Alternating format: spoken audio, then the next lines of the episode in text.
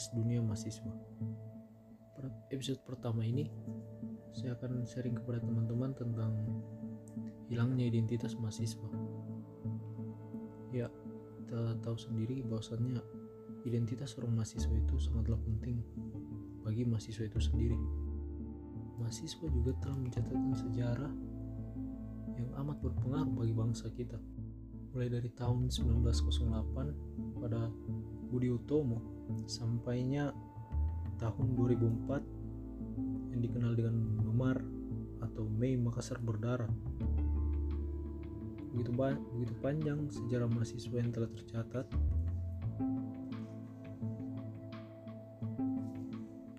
terbukti mulai dari tahun 1908 yang ditandai dengan berdirinya BO atau Budi Utomo sebagai organisasi kepemudaan pertama sekaligus titik awal perlawanan kepada pemerintah kolonial.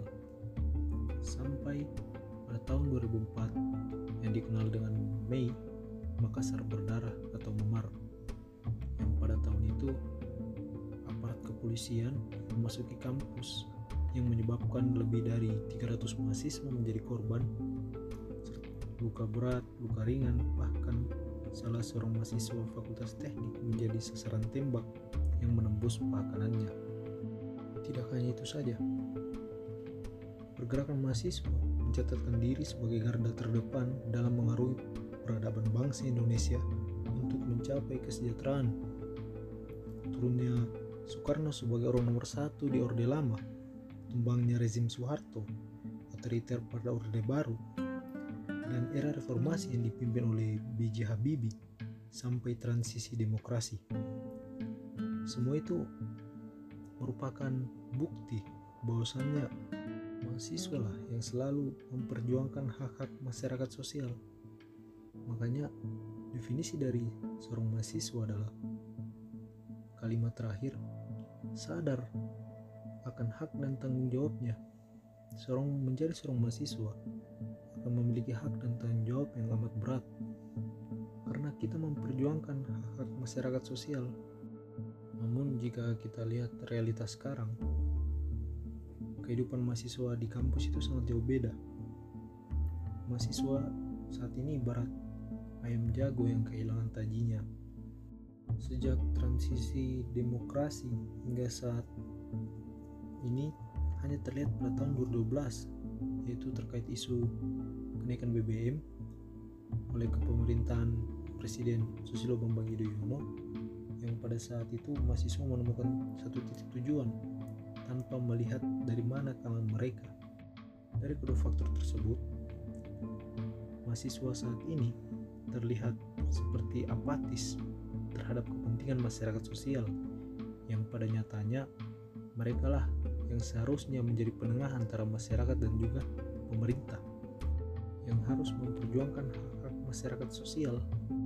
Tetapi realitas sekarang mahasiswa itu seperti apatis. Mereka lebih mementingkan diri sendiri ketimbang orang banyak.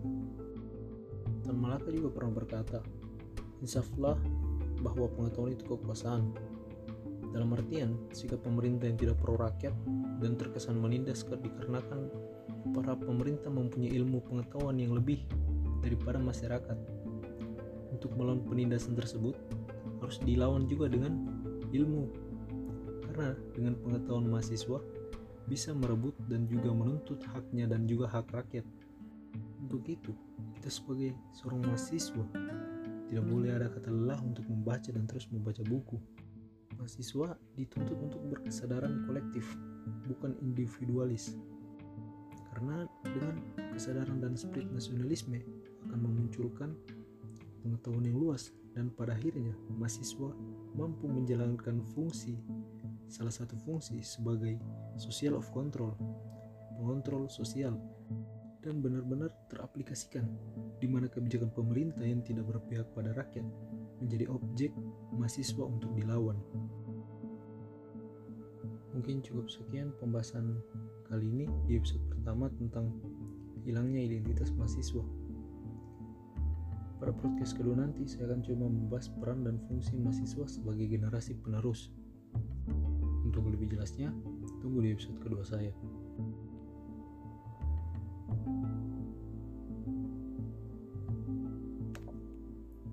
Kita akan sharing bersama lagi nanti di podcast selanjutnya.